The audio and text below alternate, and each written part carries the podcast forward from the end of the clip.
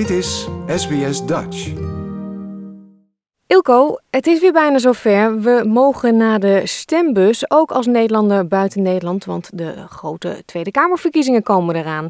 En uh, ja, daar zit jij natuurlijk altijd uh, flink bovenop als Stichting Nederlanders buiten Nederland. Ja, natuurlijk. Dit, zoals je het zelf al zegt, dit zijn de grote verkiezingen. Over een half jaar, iets meer, zijn het trouwens ook de Europese parlementsverkiezingen, maar niet Tweede Kamerverkiezingen op 22 november. En onze eerste taak is het om te zorgen dat zoveel mogelijk mensen het weten en zich ook op tijd gaan registreren. Want die deadline die nadert heel snel, dat is namelijk 11 oktober aanstaande. Ja, en registreren, is dat moeilijk? Het is niet moeilijk, maar je moet het wel doen. En het kan via uh, www.stemmenvanuitbuitenland.nl.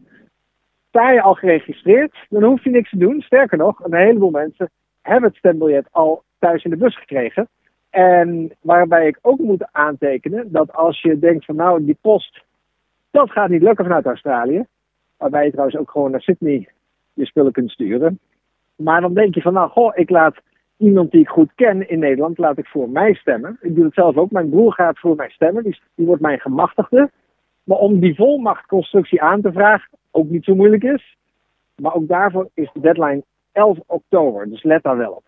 Ja, nou zijn er mensen die denken, ja, ik woon hier al jaren en wat moet ik daar nou mee? Kan jij in een paar zinnen die mensen ervan overtuigen waarom ze toch zouden mee moeten doen aan de Tweede Kamerverkiezingen in Nederland? Ja, het is, na jaren van campagne voeren weet ik ook wel dat mensen echt niet willen stemmen, ja, dat het lastig is te overtuigen. Maar wat ik ze wel kan meegeven, en daar mogen ze dan rustig over nadenken, is dat uh, ze dan eenzijdig een relatie opzeggen.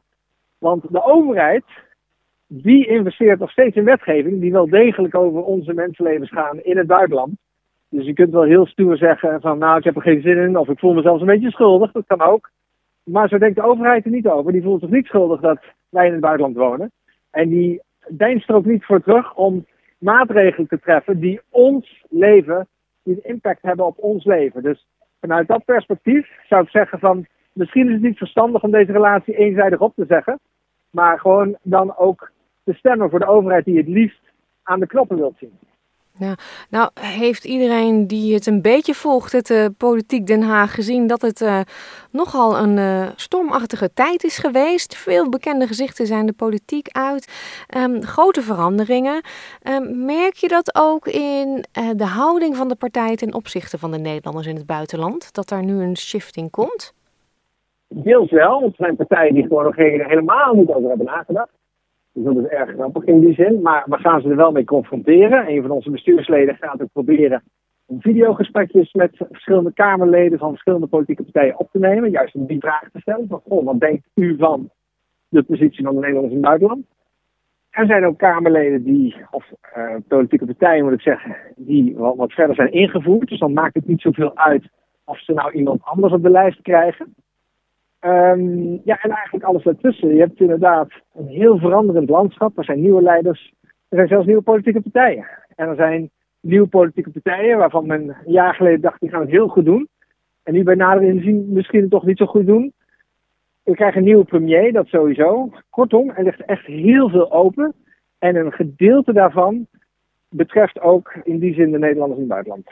Ja, drukke tijden voor de stichting, denk ik. Uh, om weer uh, mensen ervan bewust te maken dat dit speelt. Ik uh, wens je heel veel succes en dankjewel voor nu. Dankjewel. Like, deel, geef je reactie. Volg SBS Dutch op Facebook.